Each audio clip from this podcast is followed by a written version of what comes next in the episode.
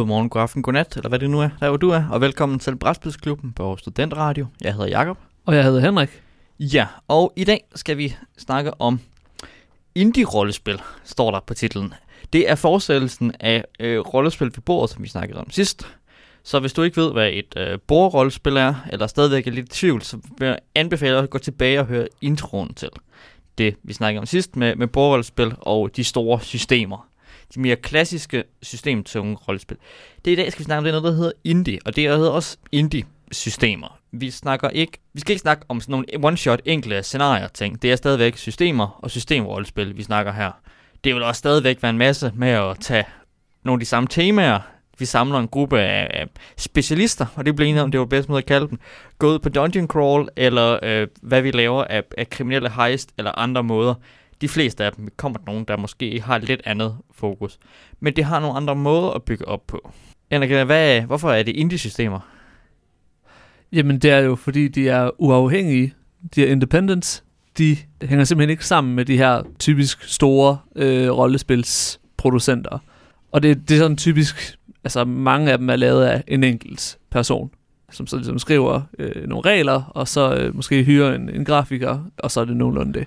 Altså så er der en, en bog, Mm. øh, og så er det systemet. Hvor man mod, at hvis du spiller Dungeons Dragons eller Call of Cthulhu, så er der en, ja, Call of Cthulhu jeg, så har en grundbog med sådan en masse scenarier. Så det er heller ikke systemer, der bliver skrevet en masse ting til, nødvendigvis. Noget af det kan godt være, nogle gange er der nogle folk, der skriver nogle adventures til noget og lægger det op. Hvad er det så, der er det, altså indie, ja, det er, det er rent formelt, men der er også nogle ting ved indie-systemer, sådan mere teknisk, eller hvad skal man ikke sige. Der er nogle ting, som er anderledes også i måde, tit, de måden de spiller på.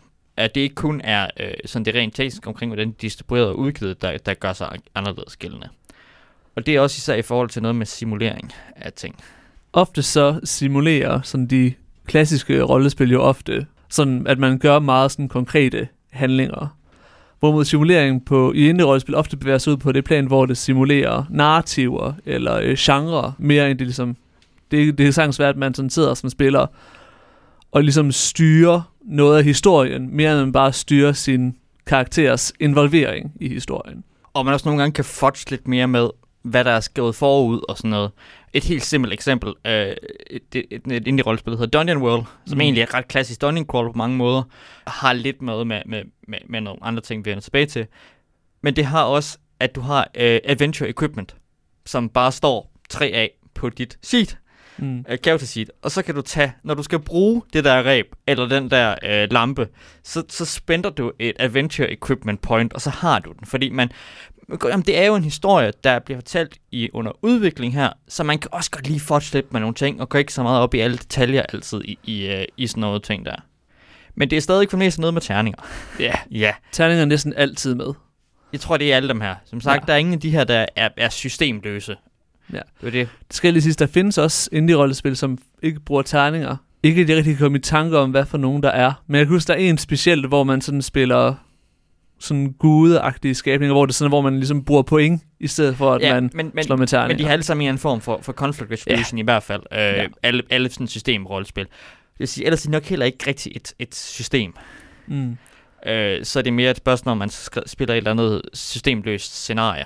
Ja, men, men terninger for det meste. Noget af det, som en del af de her gør, det er, at de siger, at også i forhold til, hvordan at de er simuleret lidt anderledes, at det er mere tydeligt, at de, karakterer, du spiller, agerer anderledes i verden, end verden agerer. Mm. som tit defineret ved, at jamen, det er kun spillerne, der slår terninger. Ikke altid, men ofte er der noget af det. Sige, jamen, hvis et monster angriber dig, eller det gør det ikke, du er i kamp med et monster, slå et terningeslag. Og hvis det går godt, så giver du monster tæv. Hvis det går dårligt, så får du tæv. Noget i den retning er sådan en ret typisk indie-ting. Det her med, at din monster og din modstander og dit område har ikke stats på samme måde, som du har. Har de heller ikke Dungeons Dragons helt, men, men, men cirka ikke. Altså sådan.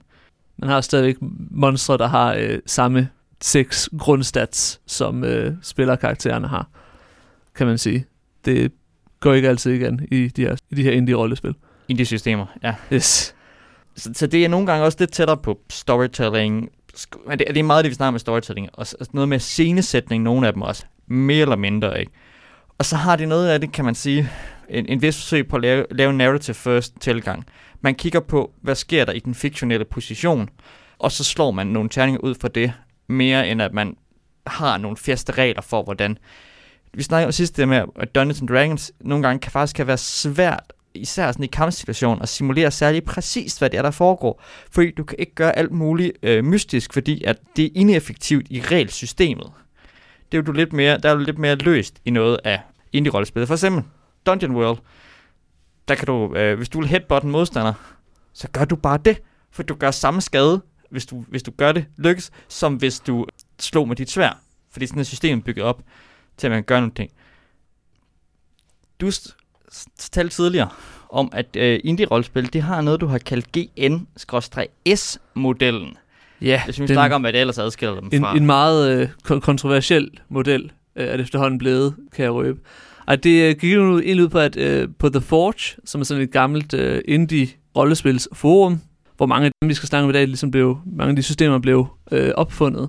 De havde sådan en idé om, at øh, rollespil ligesom kunne, var delt ind i en slags trekant, kan man sige, af hvad, skal man sige, hvad, de, hvad systemerne var orienteret imod.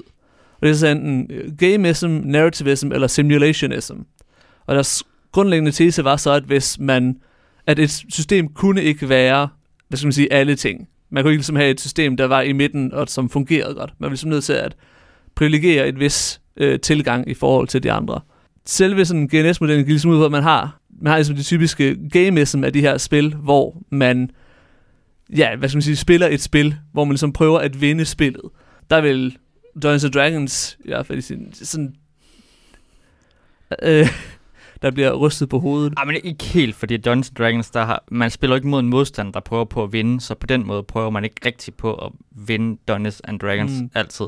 Men mindre man spiller 4th edition, hvor man nogle gange godt kan snakke om, at når først et tactical combat er stillet op, Ja, eller, så, så, så er man decideret antagonistiske. Ja, eller hvad hvis man spiller øh, det der Pathfinder Society? Jo, Så- men der, jamen der, er- jo, det er måske noget der, hvis man spiller i sådan nogle kampagne-ting. Ellers så er det jo også noget som øh, øh, Hero Quest og øh, Descent, som jeg ikke kan huske, mm. Hvad hed sidst. Ja. Øh, som jo også er Dungeon Crawl lidt fancy men virkelig på game-modellen. ja. Det er nok den ekstreme. øh, Vincent Baker, ham der designede Dogs in the Vineyard, han kaldte, hvad skal man sige, den tilgang for øh, step on up tilgangen, hvor det ligesom var sådan, det handlede ligesom om at, hvad hedder det, step up to a challenge, og så ligesom, øh, ja, engagere sig med verden på, på den måde. Hvorimod så det, som de fleste øh, af de tungere systemer nok øh, helt klart bevæger sig ud i, det er så simulationism. Og det er simpelthen, hvor man prøver at simulere øh, en verden. Og den måde, som spillet interagerer med verden, også ved, at det ligesom har en, ja, en karakter, som egentlig kan almindelige ting. Eller, det er sådan, altså, så, så almindeligt, som det er at kaste ildekugler og slå drager ihjel. Men øh, ja, man, man, man agerer gennem sin karakter. Og så har man så øh, narrativism, som mange af de her øh, indie-rollespil så er baseret på, som så går ud på, at man har ligesom narrativet er, er sat først, øh, og man interagerer, også som spiller interagerer man med narrativet, sådan nærmest før man interagerer igennem en karakter. Og det lyder lidt kringlet, men vi skal nok prøve at komme med nogle Ja. mere konkrete eksempler, når vi snakker om systemerne, hvordan de gør Ja. det. Ja. Og så har vi det, der hed øh, Lumpley-princippet. Nu kommer vi igen tilbage til Vincent Baker. Og Lumpley-princippet går ud på, at man i et rollespil øh, altid vil have et system, og selvom man ikke spiller ud fra et regelsæt. Og hans argumentation var så ligesom, at når, øh, hvis ikke man har et regelsæt, der sådan bestemmer, hvordan man interagerer med hinanden og med verden, så er det, øh, hvad skal man sige, almindelige sociale systemer, som ligesom træder ind i stedet for. Og så kommer vi jo så ud i det her sådan spørgsmål, hvad er et system egentlig? Men, men, men nej. Øh, Hvis vi kun snakker normale sociale kontrakter, og øh, Mm. de synes jeg også er i brætspil altid. Der er nogle idéer om, hvad man træder ind i, og man vil overholde, og, øh, og man skal spille for at vinde, og, og bla bla bla, eller hvad man lige spiller efter. Altså, i rollespil kan den sociale kontrakt også godt øh, gå galt. Mm. Mm. Øhm, altså spillere øh, og spillere, spillere imellem og spillere imellem. Fordi det kan både være, at man ikke helt er enige, hvor i GNS trekanten man, man går hen ad, ikke? altså sådan nogle gange måske, eller man bare ikke er enige om, hvor seriøse man skal være, hvor dramatiske man skal være, eller på andre måder. Der er mange muligheder for at gå galt af hinanden i rollespil egentlig.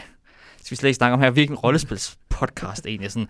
Så det er mere sådan en intro til ting. Men der er nogle ting der, ikke, som er vigtige at huske, som man ikke har helt på samme måde i brætspil. selvom brætspil, der kan man også godt noget gå galt hinanden. For eksempel, hvis man ikke spiller for at vinde i, i mange brætspil, så Mm. er, er det ikke, er, ikke rart. Øh, det er også, at det, er- det er noget med, at det, det er værre at være ham, der ikke engagerer sig ordentligt med spillet i et brætspil, end at være ham, der snyder et eller andet sted. Fordi ham, der snyder, han anerkender spillets øh, vigtighed. Hvorimod den anden, han bare ikke gider at lege med. Ja. Det er der nogen, der vil mene. Mm. Ja. Det, det, det er en diskussion til en helt anden dag om, øh, om, øh, om, om, om øh, magiske cirkler, og, Mm. øh, som det så berømt hedder, øh, og andre former for sociale kontrakter inden for, øh, for brætspil. Men det er især noget i rollespil, og især når man bliver, som måske bevæger sig lidt uden for det helt klassiske system, øh, store systemrollespil, er det vigtigt at være med på, hvad man for en type af rollespil, man går ind i, og hvad man er med på, ikke? og hvor meget man Mm. bidrager, fordi man måske har en anden måde at fortælle historier på. Inden vi lige går i gang med egentlig, så er det en sidste ting, jeg også snakker om. Øh, lidt eller brugt det med, ved ikke, med modeller og regler og sådan noget. Øh, Det er også det med, at det stadigvæk er systemer. Og det, som mange indie-systemer gør rigtig godt, det er, at altså sådan noget som Dungeons and Dragons eller andre øh, store systemer, de har et, en simulering, ikke? og så har man et nar- narrativ, der ligesom sådan ligger ud over simuleringen. Hvorimod indie-systemer prøver meget måde at tænke narrativet, historien ind i systemet. Jeg vil våge den påstand, at øh, de fleste indie-rollespil har bedre tematisk mekanisk integration, som vi plejer at se her på podcasten, end de fleste større systemrollespil. Fordi der er ikke rigtig, altså der er mere sådan små specifindige ting og narrative ting og genremæssige ting, der gør, at jamen, der er faktisk nogle mekanikker, der giver bedre mening i forhold til, at, at temaet, i stedet for at det bare er en simulering af noget. Et eller andet sted har Dungeons Dragons jo ikke noget tema. Eller sådan, det, det er fantasy. Okay, men hvad betyder det? Man snakker også ofte om, øh, sådan, hvornår opstår historien i rollespil egentlig. Og det her, hvor meget ofte så øh, historien i rollespil har en tendens, øh, i sådan de klassiske systemrollespil, har en tendens til først at hvad skal man sige, opstå efter, hvad hedder det, øh, tingene ligesom er sket. Det er ofte som, så har man en lang række, det er nærmest, hvad skal man sige, som en historieskrivning, hvor man har en lang række begivenheder, og så koder man ligesom bagefter det sammen til en form for fortælling. Ja, eller det opstår, når man rollespiller, mm. Som man snakkede om, ikke? Altså, så har man en rollespilsekvens inde i rollespil, og det er sådan noget, det er sådan nogle af de der indie-ting. Nej, men det har du jo ikke. Alting er en del af rollespillet. Det er måske mere storytelling. Øh, der er også noget med, nogle gange noget med fortællerret, ikke? At man lader mere spillerne beskrive, hvordan ting foregår. Der er nogle af de her ting.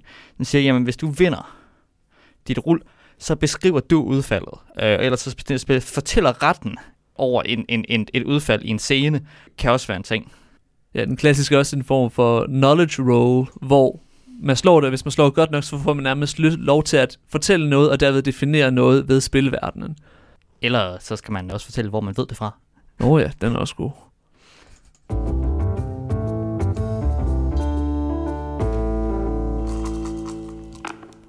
Så bliver vi konkrete og er nået til øh, forskellige indie-rollespil. Og øh, Henrik, du har skrevet øh, Sorcerer på. Ja, det er et spil, jeg hverken har øh, spillet eller læst. Men øh, den skal jeg jo på, fordi det var jo en af de sådan, første rigtig store indie-rollespil, der blev populære. Har du nogen anelse om, hvad Sorcerer går ud på? Ja. Altså, jeg, jeg kan forestille mig det ud fra titlen, men det er cirka det. Øh, det går ud på, at man er en, øh, ja, man er en sorcerer, og øh, man har sådan nogle øh, dæmoner og øh, noget magi og øh, sådan noget. Og så handler det i bund og grund om, hvordan man ja, skal håndtere prisen af at have den her magt. Mere kan jeg ikke rigtig fortælle om temaet, men det som den gjorde, øh, som var ret øh, nyskabende, var nemlig, at den hvad skal man sige, øh, indkodede de her forskellige narrative ja, temaer sådan, i reglerne. Så det er ikke bare, hvad kan man sige, man er ikke bare øh, en sorcerer, der kan gøre forskellige ting. Man har en helt bestemt historie nærmest kodet ind gennem mekanikken. Og hvornår er Sorcerer fra? Det er fra 2002. Så hele indie-bølgen starter der omkring i, i, i, i start nullerne. Altså, vi kommer kun til at nævne nogle få indie-spil, som vi lige er bekendt med. Der er en masse indie-spil i alle mulige mystiske sammenhænge, der er meget setting-specifikke og sådan noget. Og man kan jo ikke spille det hele, og det er ikke altid lige godt nødvendigvis, men der kan være en masse ting, som vi slet ikke kommer forbi. Vi prøver at nævne nogle af dem, så vidt vi ved, ud fra vores erfaring med, med rollespilmiljøet, er nogen, der er vigtige og har noget, har haft noget gennemslagskraft og noget indflydelse på, hvad indie-rollespil er.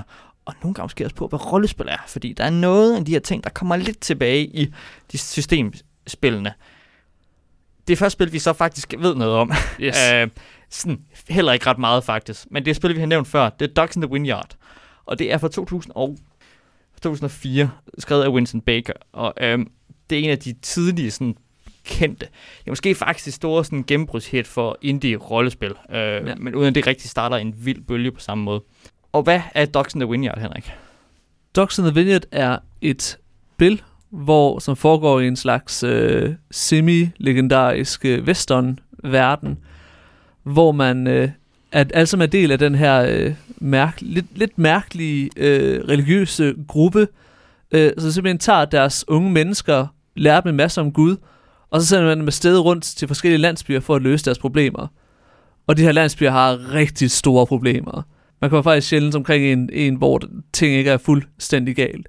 Meget øh, sådan øh, scene, så hedder de her øh, unge mennesker God's Watchdogs. Og det der, jo, det der er jo problemet, det er jo, at der er en meget fast øh, sæt regler for, hvordan man skal opføre sig i de her øh, øh, samfund, men der er jo aldrig nogen, der overholder det her. Og så kommer dæmonerne. Så kommer dæmonerne. Og Dogs in the Vineyard er så ret bemærkelsesværdigt for sit konfliktsystem.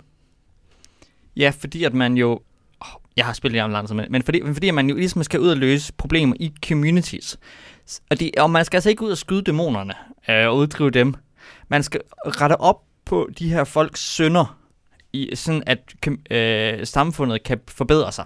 Det vil sige, at når du har konflikter, så er det heller ikke... Nogle gange kan det være nok at snakke med folk. Der er sådan et system, hvor man eskalerer konflikt. Man begynder at slå flere og flere terninger, øh, og højere og højere terninger, øh, og eskalere op, og så kan man risikere at slå sine modstandere ihjel, hvilket man selv har lyst til også i Dogs in the Vineyard, fordi det er jo nok normalt være et medlem af de samme religiøse samfund, som du er. Og du er mere interesseret i at reformere de her folk, og få dem til at se, gå på rette vej, end du er i at bekæmpe dem. Fordi det er ikke dem selv, der er din fjende, det er deres sønner et eller andet ja. sted. Så man starter ligesom med at snakke sammen, indtil en så begynder at slå, ja. og så er der en, der kan trække et, øh, ja. et håndvåben, og hvis det går helt galt, så trækker man en pistol. For lige at give sådan et blik på, hvordan det faktisk foregår, når man snakker med folk. Det er simpelthen, at man, når en konflikt ligesom begynder, og det kan for eksempel være, jamen jeg er jo uenig i, hvordan du behandler din kone, for eksempel. Så slår man begge to sådan sin pool af sådan tale terninger, og så, når, og så skal man så sætte sine terninger sammen, når man ligesom giver et argument, og slækker ligesom dem frem. Og så modparten skal så ligesom kunne matche de terninger, ligesom med deres eget argument, og så sætte deres eget frem. Og så kører ligesom frem og tilbage, indtil der så er en, der ikke kan, hvad skal man sige, matche modstanderens argument længere. Øh, og så er det så, at man så vælger ind, så kan man sige, okay, øh, du vinder den her gang. Eller så skal man sige, okay, nu, det, simpelthen, det var grænsen. Nu, nu giver jeg dig en på kassen. Og så eskalerer man så til øh, en ny grad af konflikt. Og det er jo så også lidt interessant, fordi ofte så i sådan det mere sådan traditionelle form for rollespil, der vil man jo, når man først ligesom skulle simulere eller emulere, hvordan en, hvad skal man, et argument bliver fremlagt, så vil man typisk have, jamen, barden går op foran forsamlingen, og så siger spilleren så noget som barden, og så sidder øh, spillederen så, klør sig lidt i skægget, vurderer, om det var godt eller dårligt sagt, giver måske nogle plusser eller minuser, og så slår man så for at se, om det lykkedes. Hvor med her, der er det sådan set, det er sådan set totalt ligegyldigt, hvor godt ens argument egentlig er, fordi det er ikke rigtigt det, det handler om. Det handler mere om, sådan, hvad skal man sige, narrativet, man ligesom skaber ved at give de her sådan back and forth øh, argumenter til hinanden, mere end det handler om at, at snakke godt for Guds sag, eller hvad man skal kalde det. Dogs of Vineyard, det er, er jo et eksempel på også noget, der har et meget stærkt, specifikt narrativ øh, fokus. Et andet gammelt rollespilsystem, er indie-system, øh, skala fra 2002, opkommet i nogle opdaterede udgaver og øh, forskellige variationer, og faktisk har lidt flere bøger i sig. Sådan. Det er det, der hedder The Burning Wheel-systemet. Det er skrevet af Luke Crane, og er et... Det er egentlig en form for fantasy-spil, øh, uden noget setting overhovedet. Meget med at sætte dit eget. Jeg har aldrig spillet Burning Wheel, har du? Øh, det har jeg, en enkelt session. Du har spillet en enkelt, så du ved lidt mere om det end mig. Kan du forklare helt, hvad, hvad, er, hvad er specielt ved, ved Burning Wheels? Det er specielt. Øh, nu har jeg jo mest prøvet det at lave karakterer og ligesom have den første session. Men det havde øh, måske lidt lånt øh, Warhammer Fantasy øh, rollespil. Det havde det her med, at man havde en hel karriere, som man ligesom, hvad skal man sige, havde før. Man så så ligesom, hvad for noget erhverv ens karakter havde haft, og det giver så en forskellige evner, forskellige skills, forskellige specielle evner. Og så bygger man ligesom, man, man laver ligesom meget øh, karaktererne sammen. Man kan ikke rigtig have en Burning Wheel character creation session hver for sig, som man så sætter sammen. Man er ligesom nødt til at være sammen, finde ud af, hvilken verden er vi i, øh, hvordan kender I hinanden, alle sådan nogle ting. Men sådan, hvordan det egentlig foregår i spil, kan jeg ikke rigtig sige. Men det, altså, det er vigtigt at tænke her, at Burning Wheel er faktisk ret tungt. Ja. Øh, på nogen måde også nærmest, nærmest tungere end Dungeons and Dragons. Fordi det har mange systemer og mange subsystemer og kan mange ting. Så vidt jeg har hørt, så at det, skulle det være okay til at lave sådan længere kampagner, in-game kampagner, hvor man snakker om, at karakteren udvikler sig, og der sker ting i society og sådan noget. Men jeg ved det ikke. Jeg ved, det er tungt. Jeg ved, det er noget, jeg skal kigge på en eller anden gang nærmere ind i. Det har også nogle komplicerede kampregler og alt muligt. Og har nogle supplements og sådan noget. Og er en klassiker inden for indie-rollespil, men i den rigtig systemtunge ende. Især også, hvis man går over i den udgave, der hedder Burning Empire. Hvis nok. Øh, den, der er i, i rummet. Ja, som mm. er, mm, er en variant på noget, hvor jeg kan huske, en af mine venner sad og læste på noget af det, han har købt bogen og kigget sådan, det her det er vanvittigt, det her system. Det er, sådan, det er også noget med, at der er nogle ting, hvor at spillere og spilledere, i hvert fald i Burning Empire, er antagonistiske på nogle punkter. At de har nogle konflikter, må, måder og regler for, hvordan spillere skal lede systemet, der fører til konflikter indimellem. Ja, men det er sådan noget, det er fokuseret en del på, altså også det bredere, det sociale, og på øh, de ting, så vidt jeg ved. Så der er nogen, der sidder og ved en masse om Burning Wheel, så øh, det jeg til gengæld ved en masse om, men har spillet, det er øh, et øh, spil af samme forfatter, eller designer hedder det jo, som nogen måder er Burning Wheel Light, han bryder sig ikke om, man kalder det det, men øh, har noget af det samme sådan basale conflict resolution mekanismer, som egentlig også er mystisk kompleks noget sted. Det er sådan noget med, at man pre-programmer movement, øh, tre træk, og man kan support hinanden i skill check, og sådan har nogle af de samme basis måder at bygge karakterer op, og tage skade på, og sådan noget. Som også har nogle narrative ting. For eksempel, man kan tage, man kan tage skade, og så kan man blive sur, og så er ens karakter sur. Eller man kan øh, være, være syg, så er man syg, så er man smager i ting, fordi man har ikke sådan HP på den måde. Og det, jeg snakker om her, det er et system, der hedder Mouseguard som egentlig er på mange måder et ret hyggeligt lille rollespil. Det er baseret på tegneserien af, af samme navn. Og det, der handler om, at man er mus. Uh, intelligente mus, der, der kan have et lille våben og en lille kappe. Og så er man musegarden. Og musegarden, og øh, når sneen smelter, så øh, skal man ud i verden og rejse rundt til de forskellige byer, bringe posten ud, og så hjælpe med, hvad der ellers er af problemer. Øh, og det er sådan rigtig godt især til tre spillere at rende rundt og spille mus og øh, kæmpe mod fugle og egerne og løbe meget, meget, meget langt væk, hvis du ser en ulv. Og en, en, en kanin, det er, en, øh, det er også en farlig tingest. Øh, en rev, det er, det er sætningens drager. øh, nærmest ikke. Og sådan. Og der er også nogle ting der, som nok også er i Burning Wheel med, at der er noget med fortællerret. Vi snakkede om tidligere, at hvis du vinder et slag, får du fortællerret til at gøre nogle ting i scenen. Og omvendt så taber du den, og så sker der noget for dig. Der er også lidt med din positionering i, i scenerne. Og så har de også sådan et XP-system med, at man leveler op ved at fejle og succeede siger, ved at bruge sine skills. Ligesom også kendes for øh, computerspilserien Elder Scrolls. Men der kan jeg også se noget, altså i Mouseguard har også noget af det her med den her idé om et større verden, for der, det spilles faktisk i, det har nogle narrative hvor det også spilles i, at du har en spillertur. Øh, eller du har egentlig en spilledertur først, som er et dit lille adventure, hvor, hvor spilleren skal løse nogle udfordringer. Og så har du en spiller, en session, så har du en spillertur, hvor at hvis det er gået godt, eller på en anden måde, så kan spillerne gøre ting ved, at de så sætter deres karakterer ud og klarer forskellige småting.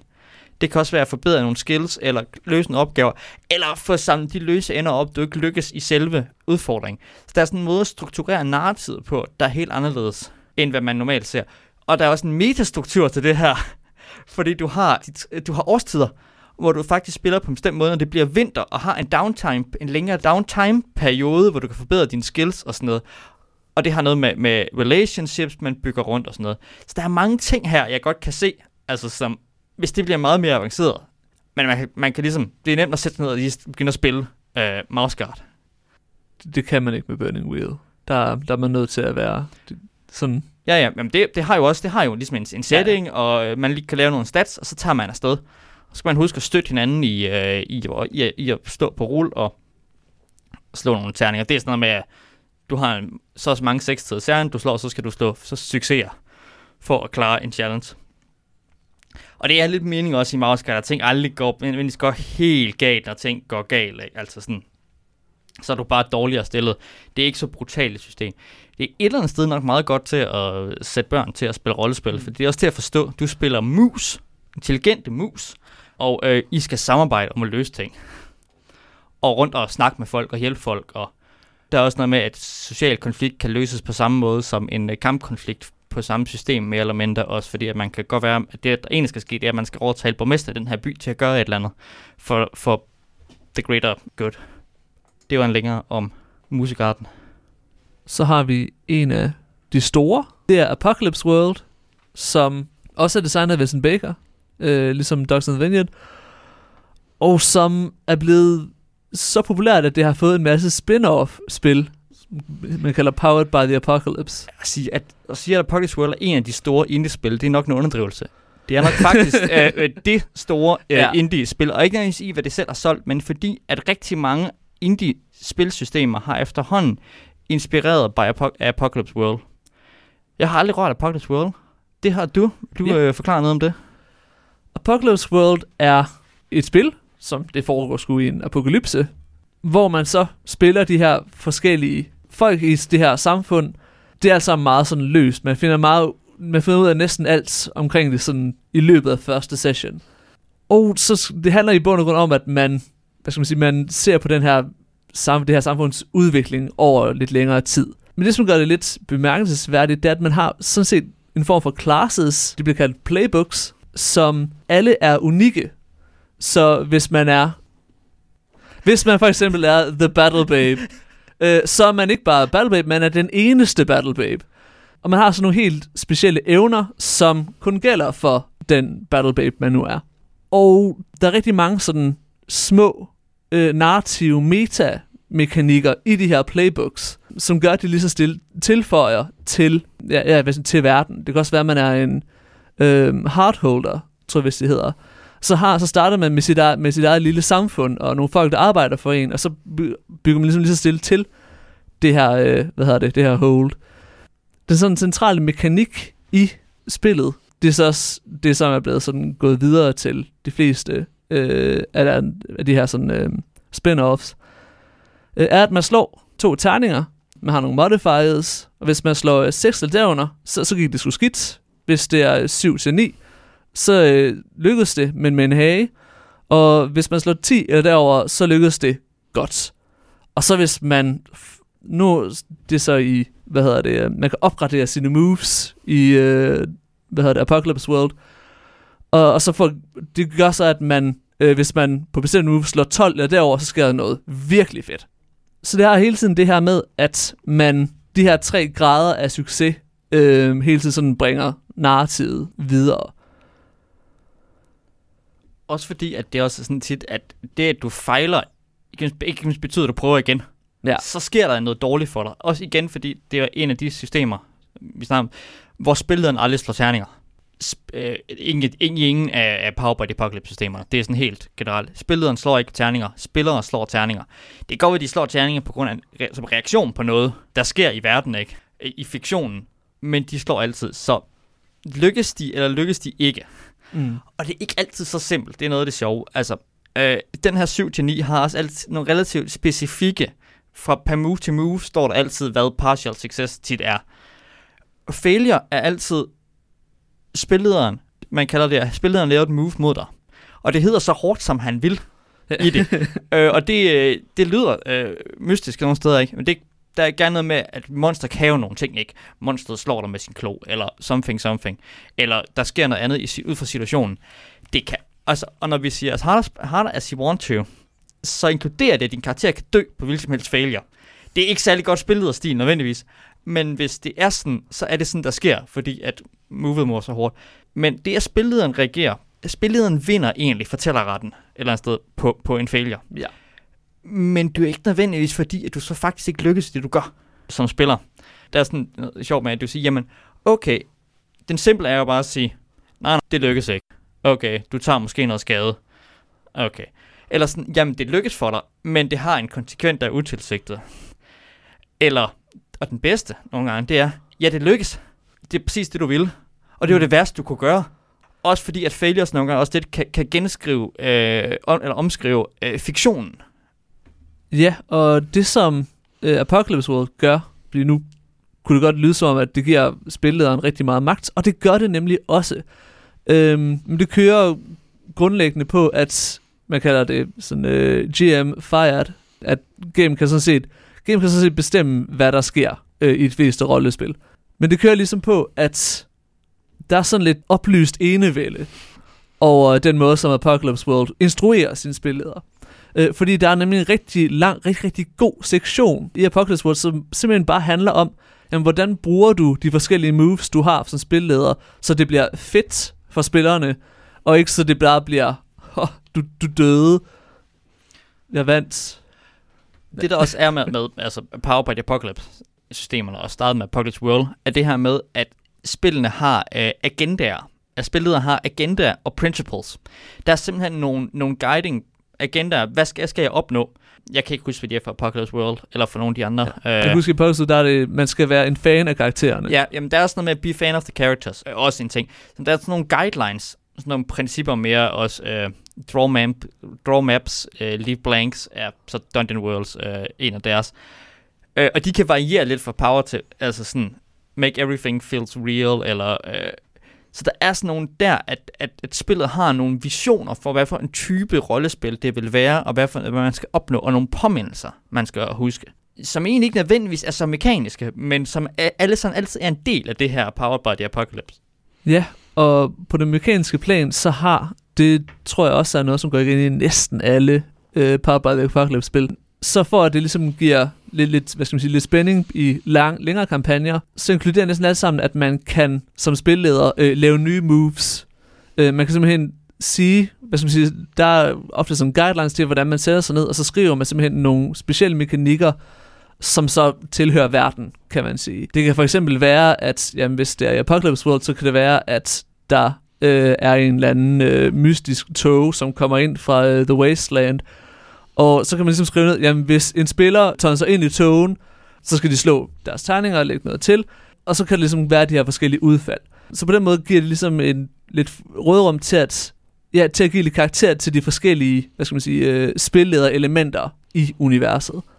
Lige for ja, vi har, vi har conflict resolution mekanikken med øh, 2d6, partial success og failures med move. Vi har ideen om moves, som er noget, der sker.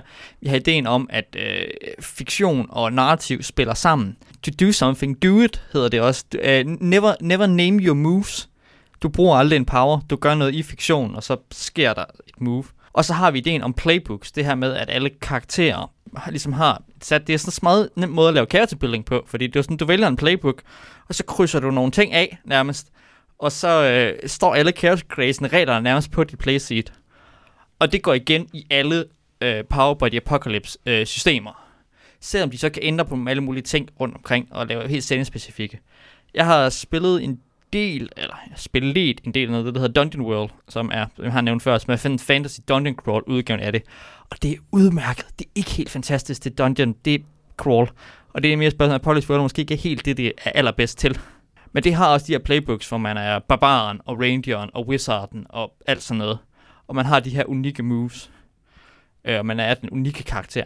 Det er man ikke i alle Power by Apocalypse øh, settings. Nogle af dem er specifikt ikke. Men alle de her systemer har deres egne agenda og guidelines og playbooks og, og custom moves. Øh, selvom de alle sammen kører på det samme D20-system ud for de samme, de samme narrative principper. Har du prøvet nogen andre Power by the Apocalypse? Øh, jeg prøvede øh, The Long Orbit, som var, øh, min spiller beskrev det bagefter som Monster Hearts in Space. Så jeg har lidt prøvet det der sådan er, sådan, altså Monster Hearts er det her by the Apocalypse, hvor man er teenage monstre, der, øh, der, der har romancer og sådan noget. Og sex. Nå, ja, ja. Det, Øh, alle har en sex power. Nå, jamen, det har de også i Apocalypse World. Nå, okay. Ja, ja, det hedder bare, det hedder bare et special move. men, det, men jeg tror muligvis, at i Monster Hearts, der er de sådan lidt mere direkte, hvorimod i Apocalypse World, der er de her special moves ofte sådan, hvis du har sex, så sker der noget efterfølgende. For eksempel driveren har det her special move, hvor han, hvis han har sex med nogen, så skal han slå for hvor cool han er med det. Og hvi- hvis det sådan er, hvad hedder det, hvis han er, enten så er han sådan øh, overhovedet, altså alt, alt for cool, og så er det bare, så han totalt dedikeret til det her nærmest sygeligt, eller så er han bare overhovedet ikke cool overhovedet, og så fucker han af. Øhm, Så det er ofte sådan en ting, sådan, hvor der, hvad sker der efterfølgende? Monster Heart er noget med, at du, øh, du har nogle special powers, som monster powers, der kan aktivere, når du har sex. Fordi du er jo horny teenager, så vidt jeg har, husker, at jeg har hørt om systemet. Yes. Yes. Ved du forresten, hvem der er jeres gæst på årets festival lige om lidt? Er det Avery Alder? Ja. ja. Er det hende, der er design? Det er hende, der Ah, okay. er designet Monster Heart. Yes. Right. øh, ja, festival, øh, rollespilskongressen, der kommer hun forbi, ja. Ja, og så er der alle mulige andre Power by the Apocalypse-systemer. Der er et Cyberpunk-system, som jeg ikke lige kan huske, hvad hedder. Du havde spillet noget Cyberpunk en gang, så fortalte du noget om. Ja, det hedder Ghost Echo. Det er Dungeon, ja, det er Apocalypse World på, på to sider, hvor man er i en heist, der er gået galt. Egentlig så er der jo, ligesom sådan Dungeon World er Dungeons and Dragons Powered by the Apocalypse. Så er der nok også ved Shadowrun Powered by the Apocalypse, øh, dog uden monster og magier og andre ting, ikke? Der er alle mulige genrer. Også for jeg klar at der er noget, der hedder, der er noget, man kan lave action movies, øh, action movie world, hvor det virkelig er, at man spiller skuespillere, der spiller karakterer i filmen. I en actionfilm. Så hvis man spiller en kampagne, så går skuespillerne videre fra film til film og får powers og er specielle arketyper, øh, som, som virker ret fantastisk. Øh, også fordi, at man så skal sådan huske på, jamen, du er jo i en film, ikke? Altså sådan, øh, og, og, gerne en eller anden dum 80'er actionfilm, der var direct to, øh, eller 90'er film, der var direct to, øh, to video. Så er vi nået til øh, Gumshoe Endnu et spil, som vi ikke har spillet, overhovedet. men øh, vi har læst det her. Eller, det, eller ikke Gumshoe. Gumshoe er sådan et oversystem. Jeg tror også, det er et Gumshoe-system, bare basically, som handler om at spille noir, Ja. crime. Men Gumshoe har nogle investigation-mekanismer, der går igen i en række andre spil. Det er en af de lidt mindre indie-indie-spil, fordi det har faktisk et forlag, der udgiver det og sådan noget. Men det er et lille forlag. og der er blandt andet uh, Trail of Cthulhu, som er uh, ja, selvfølgelig et Call of Cthulhu-variant af det, fordi men du har lavet et investigation-system, skal du selvfølgelig lave en Cthulhu-variant. Og det har vi begge to læst regelbogen til, men aldrig nogensinde spillet. Ja. men hvad er der lige specielt ved Gumshoe, og hvorfor synes vi, det skal nævnes? det, der er specielt ved Gumshoe, det er, at det tager øh, investigation og har egentlig en ret sådan grundlæggende præmis med, at man ikke kan misse clues. Så når man går, ligesom går ind på, øh, det kan være en crime scene for eksempel, øh, så får man simpelthen alle de clues, som man skal bruge for ligesom at kunne regne sagen ud. Så kan det være, at man kan gøre nogle specielle ting for at få nogle, noget ekstra information. Det vil sige, at der er stadig terninger med. Det skal der jo være helst. Der kan også være en, øh, en eller anden, der vil tæve dig, og så skal du slå terning for at tæve ham, ellers får du noget tæv. Men her der får man altså hele investigation, hvad kan man sige, øhm, hele sådan det, man skal bruge for at kunne have den her investigation, det får man simpelthen bare udleveret, kan man sige. Øh, så man har ikke det der sådan typiske øh, call-situation, hvor jamen, vi går ind, og så øh, slår vi alle sammen, jamen nu leder vi i det her rum. Nå, der var ikke nogen, det lykkedes for. Nå, okay. Der er ingen øh, search, eller library use, eller spot hidden, eller øh, hvad det nu hedder. Hvis du har, eller du, det ikke, du får det ikke altid, hvis du har abilityen, der gør, at du kan få det, øh, så der kan være nogle muligheder for, at man ikke har lavet en sammensat gruppe nok til, at, mm. at sådan, der er ikke nogen laboratory use, øh, eller hvad det hedder. Jeg kan ikke huske, hvad skilsene hedder. øh, øh, ja. Men det ser meget fedt ud, og helt klart også på listen over ting, jeg skal have prøvet en gang inden for så længe. Fordi det gør det her med at gøre, tænke investigation på en anden måde, og også tænke investigation mere som et, et narrativt element. Ikke? Altså, det er vigtigt, at vi får cluesene, så narrativet kan komme videre. Og der er ingen grund til at simulere alting. Vi skal ikke have stats på, hvor god du er til at lede. Eller, nej, det kan du, fordi du er en investigator. Din Mm. karakter er kompetent. Det her det er hans fucking job. Han kan godt passe sit job. Det er sådan, ja, Twin Peaks ville ikke have været så, øh, så spændende, hvis Charlie havde fundet bogstavet under neglen. Don't rest your head.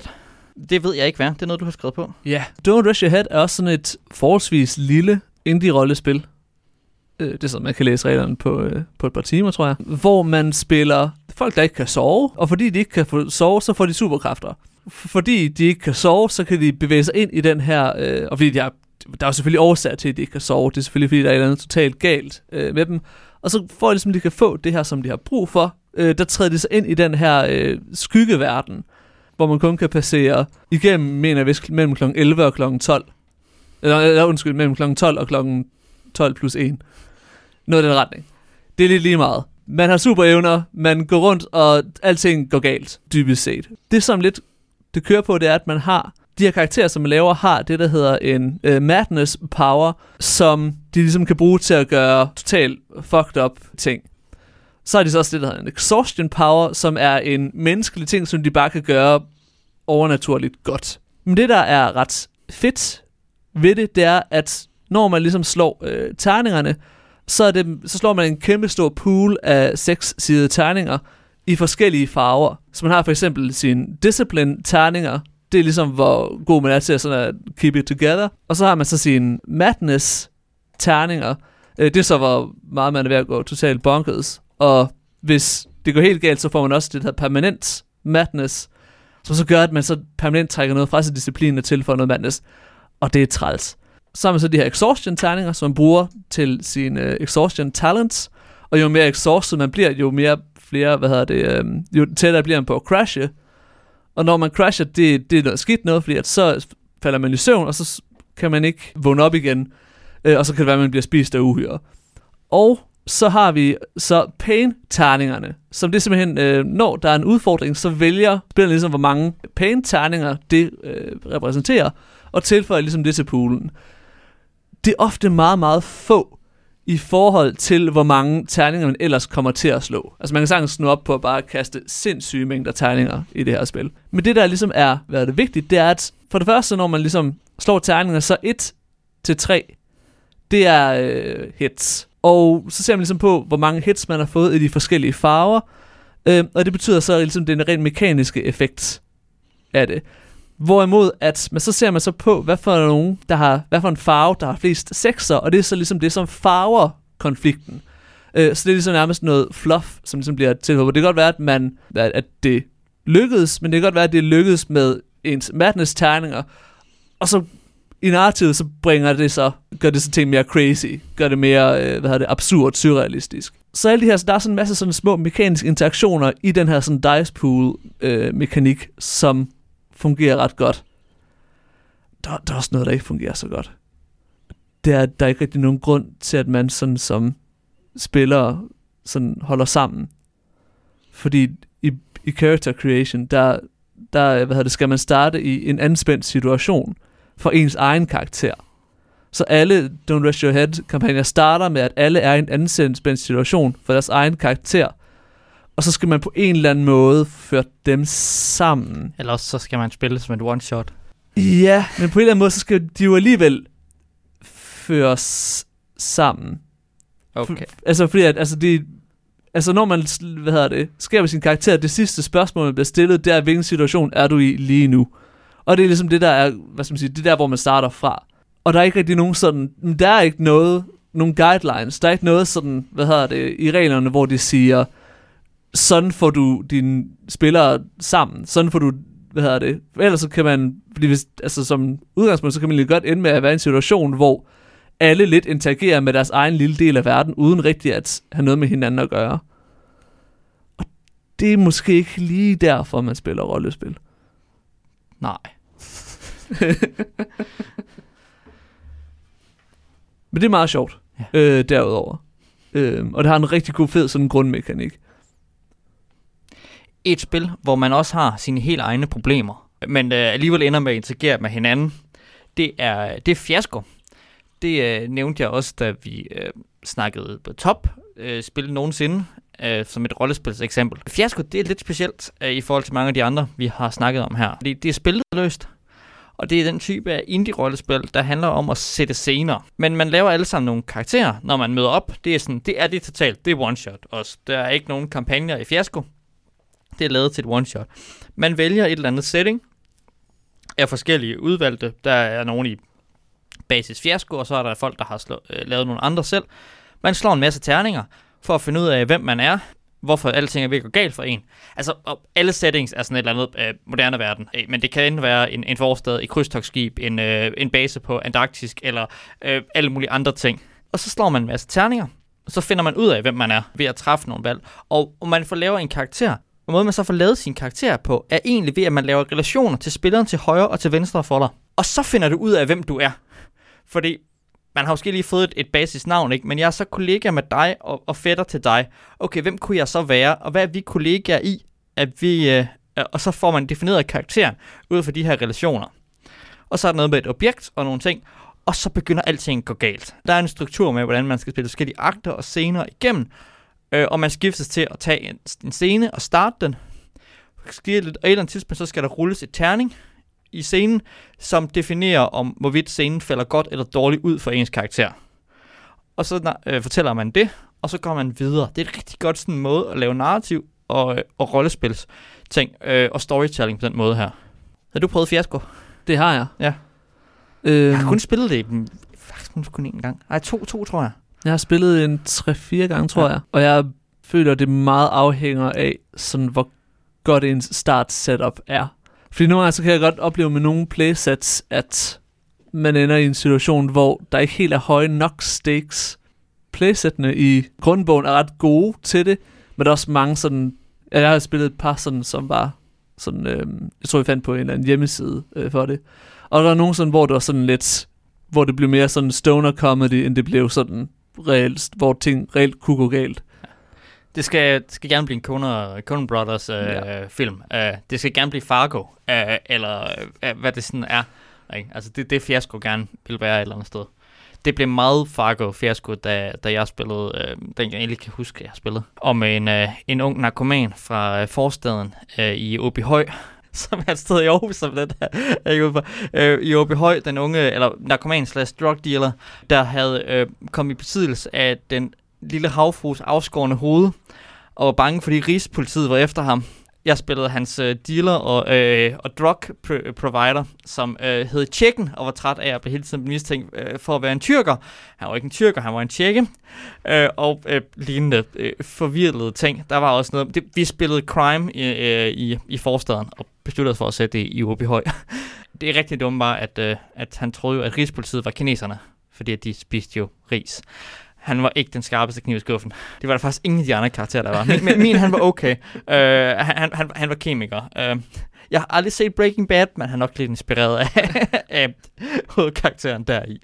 Men, men det kan være sjovt. Det er men det er, jeg tror også, vi sagde dengang, at øh, ja, vi holdt jubilæumsvid, så jeg sagde, det, det, er, det er spillet for dig, der har faktisk har sjove venner, som kan lave nogle sjove ting, og, og lave nogle weird ting, og det kan understøtte det.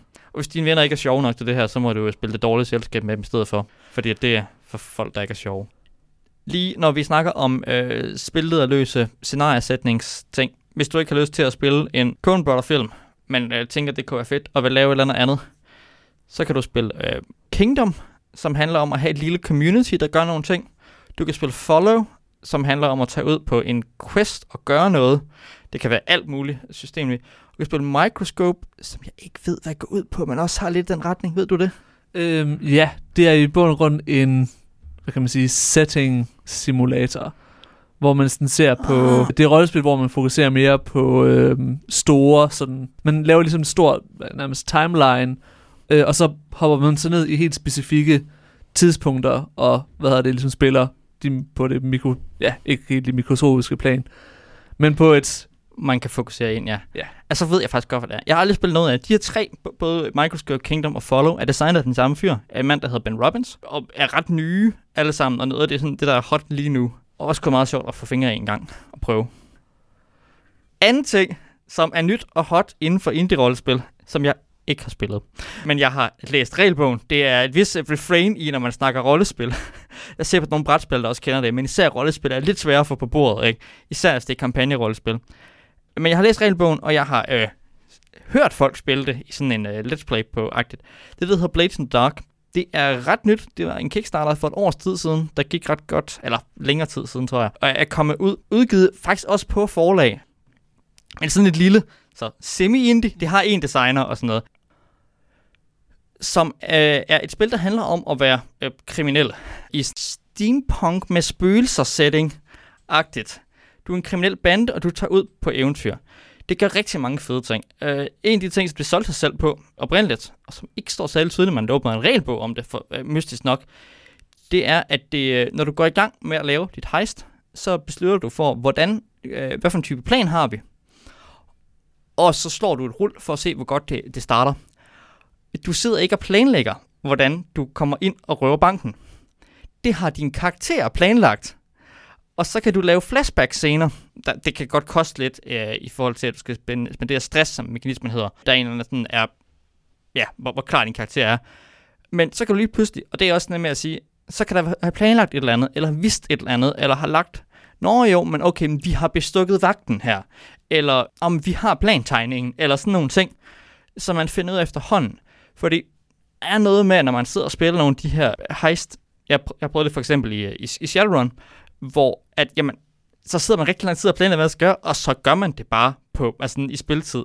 Men det er jamen, din karakter har en plan, din karakter kan ting. Der er også nogle andre ting, som er sådan mekanisk i spillet, at øh, du har nogle stats, som vælger, at du står en stat pool, og så står du måske to, tre, fire terninger eller sådan noget. Og så skal du bare slå det er kun det højeste tal, der tæller.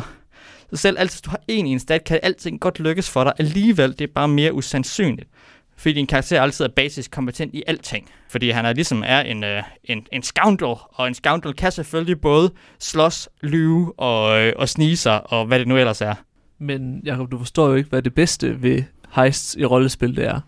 Og det er jo, når man som spilleder har siddet og brugt øh, noget tid på ligesom at lave nogle, nogle grundplaner, og sådan, øh, sådan har fået styr på, hvad der er i en bygning, og forsvarsværker og sådan noget.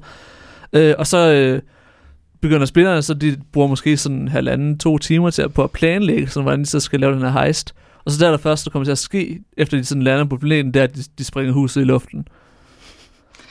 Altså, hvis du synes, det er det bedste det er, ved, ved heist så skal du ikke spille Blaze in the Dark. Blaze Dark har også, det, man kan så se, det er lidt inspireret af også noget uh, Power by the Apocalypse egentlig. Det har også noget med, at det har nogle play sheets på en eller anden måde, og har lidt noget inspiration derfra. Og andre. Det har også, og så har det en meget sådan stærk narrative first øh, move. Der er ingen af dine fjender eller sådan noget, der har, har stats. Det er sådan, det kører noget, der hedder clocks. Øh, fordi en udfordring, alting kan være en udfordring, som kan løse forskellige måder, har et vis antal øh, takker, der skal tjekkes af. Og så er det for en situation, du er i, og hvor godt det, du gør, det har effekt, så kan du Øh, hvis du gør et eller andet, der har en dårlig, skal snige dig, okay, hvor godt går det med at snige sig? Jamen, kan du snige dig rigtig godt, eller distrahere vagten rigtig godt, så kan du rykke dig på den her klok, der måske har, ja, den kan have fire, eller det er sådan simpelt, ikke? Den kan også være to, sådan virkelig simpelt, den kan være 12 felter. Så det er sådan noget, men alting bliver også bare sat op som udfordring. Så det virker til, at det er ret nemt at sætte ting op og improvisere. Og at fiktion betyder noget, fordi det er altid et spørgsmål om fiktionel positionering. Man, man, når du skal gøre et eller andet, jeg gør det her, okay, men hvor står vi hen, og hvad gør du? jamen, øh, jeg gør det her. Du vælger at sætte din stat, men så, okay, hvad er din situation? Er du i kontrol? Er du i en standard situation, eller er du desperat? Og det har noget betydning for, hvor galt det går, når du, når, når du fejler. Øh, eller hvis du fejler. Og så siger du også, jamen, det du så har tænkt dig at gøre, hvor stor effekt har det? Har det ringe, normalt eller stor effekt? Eller virker det overhovedet ikke? Altså, det er sådan, du skal nok ikke stikke en dæmon med en ske, men det kan være, at du kan stå den med det hellige flammesvær der er ikke så mange dæmoner eller hellige flammesvær i sætningen, men øh, det har nogle rigtig fede ting. Jeg glæder mig til at få det prøvet. Det er også noget, jeg godt kan lide ved det, som er, at det er et relativt brutalt system. Det har ikke rigtig har ikke HP. Det har også bare, at man kan tage nogle, nogle damage. Så har det også nogle narrative konsekvenser, plus man kan risikere at dø. Hvis, du, hvis, hvis manden står og truer dig med et spyd, øh, og du er i en desperat situation, og du fejler, så får du stukket et spyd i maven, og så er det godt, at din karakter er død der fordi det er ikke, du har ikke, du mister ikke 7 HP ud af dine øh, 15, og nu er totally fine. Altså sådan, så når du begynder at tage skade, så begynder det at kan mærkes på dig. Så det er på nogen måde sådan mystisk realistisk, øh, fordi de putter narrativet først. De der meget simulerende rollespil, de mister noget realisme i, at alting bliver så simuleret og mekanisk, at det ikke føles naturligt længere anden grund til, at jeg også synes, det straks skal med, jeg tror, jeg tror på, at det, det er en af de øh, rigtig hotte spil lige nu. Øh, jeg kan se noget af det indie-rollespil, der sælger bedst, så vidt jeg lige kan se. Øh, og det er øh, på vej til også at starte sin egen lille bølge i hvert fald, som man kalder Forced in the Dark-systemer. Indtil videre er der i beta et øh, sådan Star Wars-inspireret udgave af det hvilket giver god nok mening. Jeg kunne også godt forestille mig at lave i noget sådan dungeon crawl-agtigt, hvor man skal planlægge og tage ud og udforske en ruin, fordi der er en masse måder, at statsen og narrativerne fungerer. Så jeg tror på, at Forge in the Dark, inspireret af Blaze in the Dark, øh, godt kunne blive noget. Jeg ved ikke, om det bliver det nye Power by the Apocalypse, men, men det kunne godt blive til noget. Og jeg glæder mig til at se, hvad det tager, og jeg glæder mig til, at jeg faktisk får samlet mine rollespilsvenner øh, i fysisk form, øh, sådan at vi har tid til at sætte os ned og, øh, og prøve et nyt rollespilsystem, fordi så skal det være Blaze in the Dark. Det var en lang sangstale, salgstale for et øh, spil, jeg aldrig har spillet. Men øh, jeg er selv hype på, at jeg skal i gang med det. som man nok godt kan fornemme. Er der noget, du er, øh, har tænkt dig, som vi ikke har snakket, vi har snakket eller ikke har snakket endnu, du er hype på, at det skal du øh, prøve?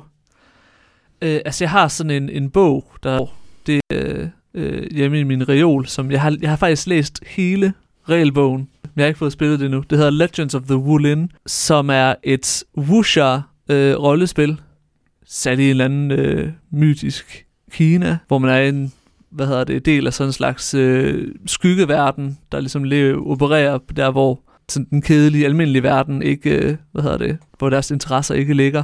Men det, som virker, som jeg synes virker ret fedt ved det, er, at man har, når man ligesom, øh, hvad hedder det, for øh, XP, eller hvad man skal kalde det, i det her spil, så er det ikke bare sådan, så køber man nogle evner eller noget, så køber man decideret de her lore sheets til sin karakter. Øh, og det er sådan lidt, som det lyder. Det er for det første ligesom både noget, der indviger en i sådan de her øh, hemmelige ordner og øh, hvad hedder det, øh, mystiske teknikker. Men det er også decideret noget, som knytter dig sammen med verdenen. Så du kan ligesom komme XP i det og ligesom få en stærk, stærkere tilknytning til verden. Mere end det bare er øh, en ny evne.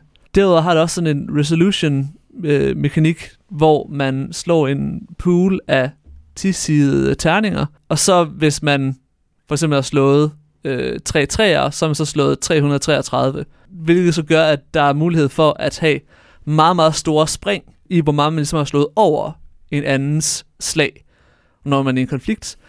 Hvilket fungerer ret godt i Wuxia, fordi så hvad hedder det, er det tingene så ligesom tilsvarende episk. Og man kan ligesom nærmest bruge det til at graduere. Hvad er Wuxia? Du, åh oh, oh, nej. Okay, øhm, Altså, uh, Wuxia, det er jo sådan en, uh, en filmgenre, som, uh, som alle burde kende. Man kender det så nok fra film som uh, Crushing Tiger, Hidden Dragon, eller Øh, House of Flying Daggers, eller Hero. Det bliver også ofte kaldt Waifu, fordi kampscenerne i det næsten altid involverer øh, masser af skuespillere, som hænger på øh, wires, som de så har klippet ud. Så de ligesom har det her sådan der flyvende kamp-action-stil. Øh, det handler altid om, hvad er det, episke konflikter. Hvorimod sådan mere almindelige øh, kinesiske actionfilm ofte har en tendens til at handle sådan om krimi-syndikater og sådan nogle ting.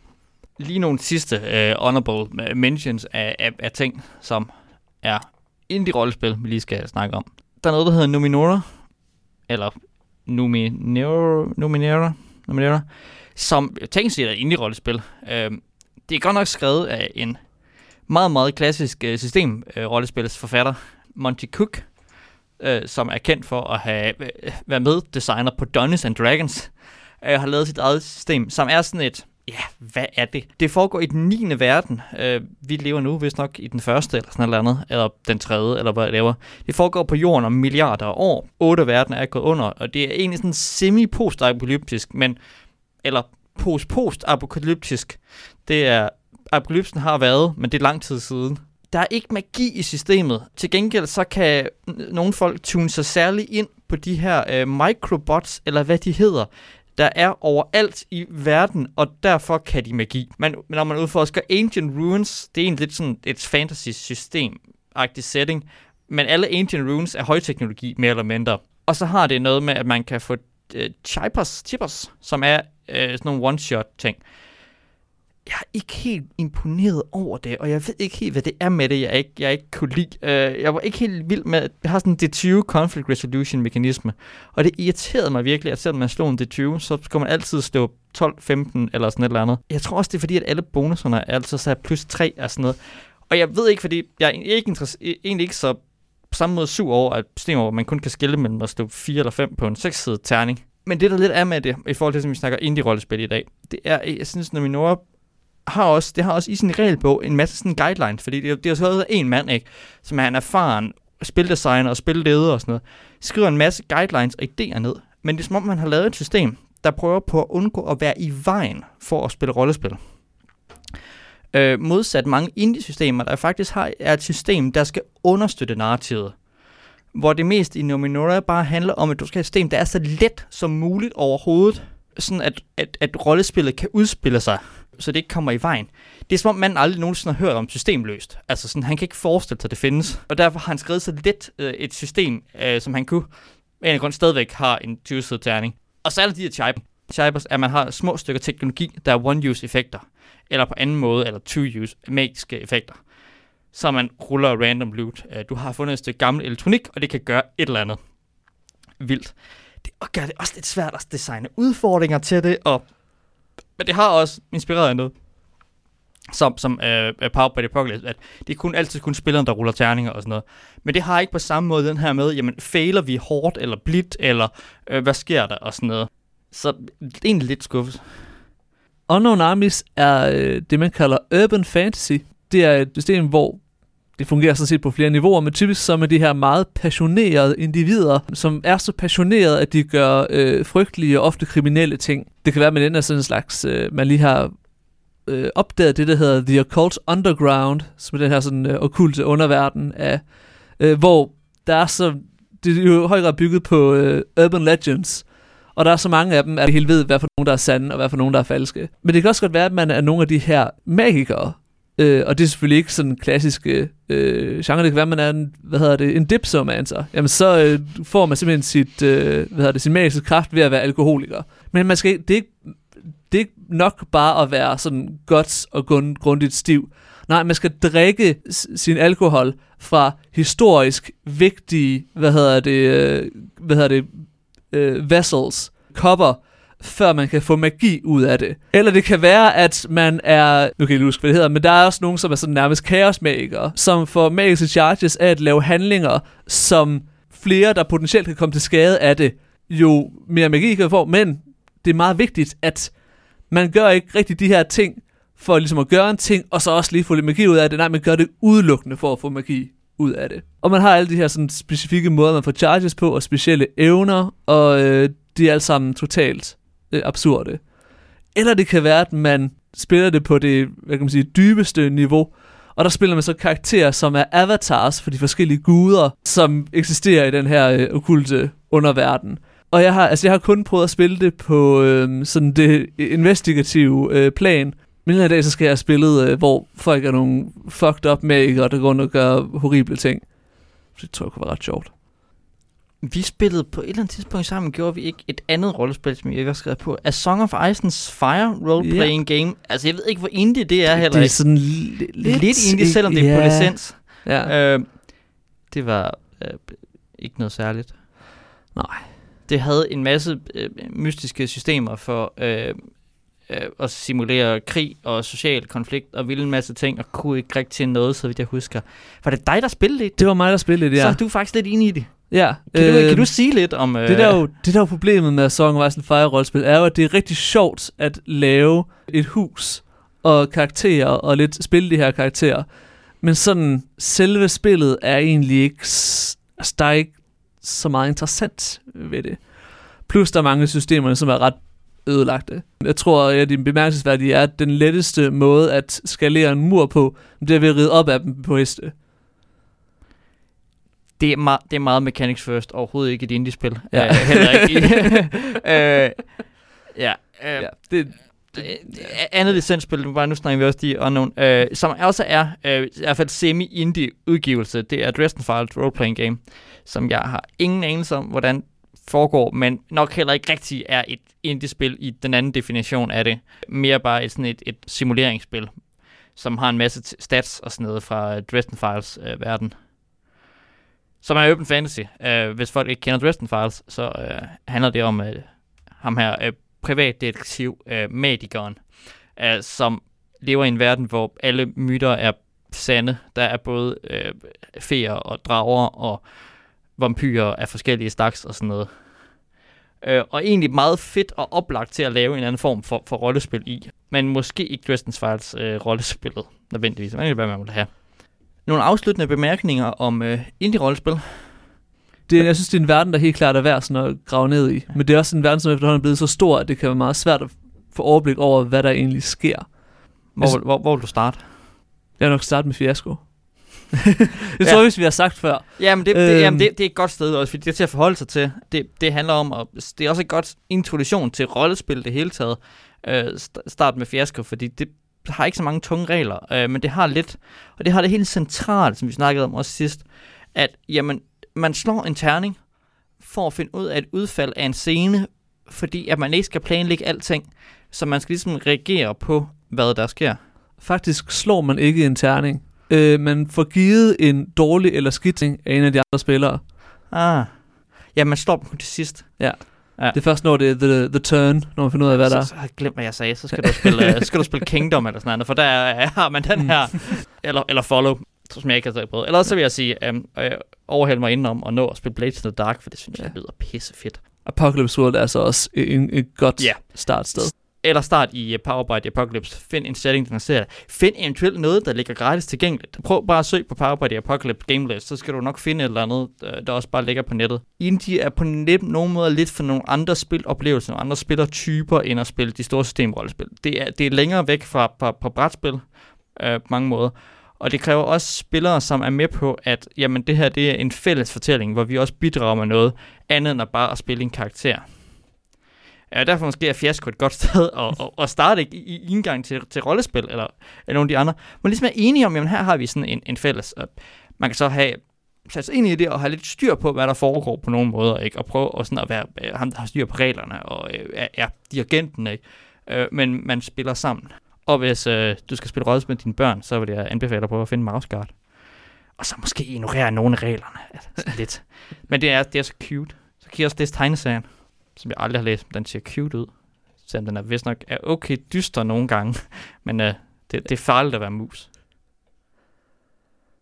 Ja, sidst, hvis man vil på en uh, indie rollespildiskussion, så foregår det åbenbart på Google+. Plus. Fandt vi ud af. Ja, så vidt jeg ved, så ja, ja, altså, øh, alt øh, miljøet, og folk snakker sammen, og designere snakker sammen, og de snakker sammen på Google+. Plus. For some reason. Hvad sagde du? Du var på Google Plus ja, af den grund? Ja, ja, altså det er mest sådan for, at så kan man... Har, jeg, er sådan, jeg har aldrig rigtig sådan engageret mig i sådan miljøet, men jeg følger en del folk sådan øh, rundt omkring, der, der siger ting om ting. Og det, men jeg tror også, det er fordi, det er ret let at organisere. Sådan, jamen, hvis man har sådan... Nu vil jeg gerne snakke om Dungeon World. Jamen, så, har man, så klikker man ligesom ind på sin Dungeon World cirkel, og så har man folk, der snakker om Dungeon World specifikt. Og så sker der ikke rigtig noget andet Nej. på Google Plus. så, så ved man, det er der, man går hen, når man vil spille. Det kan være, at øh, brætspillerne også skal migrere til, øh, til Google Plus. Øh, er det det? Har, har vi, er, er vi på Google Plus? Brætspilsklubben. Skal Brætspilsklubben være på Google Plus? Det kan vi skal have en, øh, en online presence på tværs af alle de store sociale medier. Ja, så skal vi også have en Twitter-account. Men det gider vi ikke. Nej, det, det ved jeg ikke, om vi gider. Vi er på Facebook. Du kan finde os på Facebook i hvert fald. Uh, der skriver vi lidt uh, nogle teasers en gang imellem, og, og skriver, hvis vi er forsinket eller noget. Den her podcast, den er lidt forsinket, fordi vi genoptager om en onsdag, uh, og derfor er først udkommet uh, torsdag aften, eller muligvis fredag, afhængig af, hvornår jeg får redigeret det her. Men det ved du, når du hører det. Vi prøver at udkomme torsdag, og vi skal nok prøve at se, om vi kan lade være med at optage onsdag aften i næste uge, så vi faktisk kan udkomme torsdag morgen, øh, så vi kan nå at redigere den onsdag aften, om ikke andet. Er der andet for at sige tak for i dag?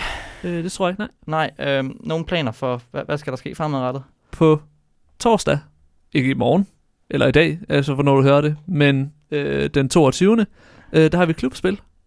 Ja. Ja, vi skal spille uh, Last Will, Yes. øh, som jeg vist har teaset øh, i sidste episode. Ja. Det er, hvor man skal bruge nogle penge hurtigt. det er tableau. Næste uge der skal vi snakke om tableau building spil, tror jeg nok. Ja. Øh, som Last Will er et eksempel på. Lad os komme derud. Ellers så tager vi også øh, på festival og spiller noget rollespil af øh, en anden type end øh, indie-rollespil og systemrollespil. Øh, sådan noget systemløst, øh, mere eller mindre, eller med hjemmerullede systemer og sådan noget. Og noget brætspil nok også. Så øh, hvis du kommer og siger hej på øh, festival, fordi du er der for at spille noget brætspil, og så, så, så vil vi gerne snakke. Jamen, øh, så siger jeg, Jakob, tak for i dag. Øh, Og det kan Henrik også, der lige efter sig sammen. Ja, og vi, øh, vi siger tak til Aarhus Studenterradio for, at vi var med, med og alt sådan noget. Og øh, her, her er en outro. Så en præcis med til intro. det tror jeg, I har bemærket. det er også vores største hemmelighed. Satans. Men altså, du skal jo spille indie-rollespil, hvis du gerne vil have rollespil med god tematisk mekanisk integration. Fordi det har de, de store systemer bare ikke på samme måde.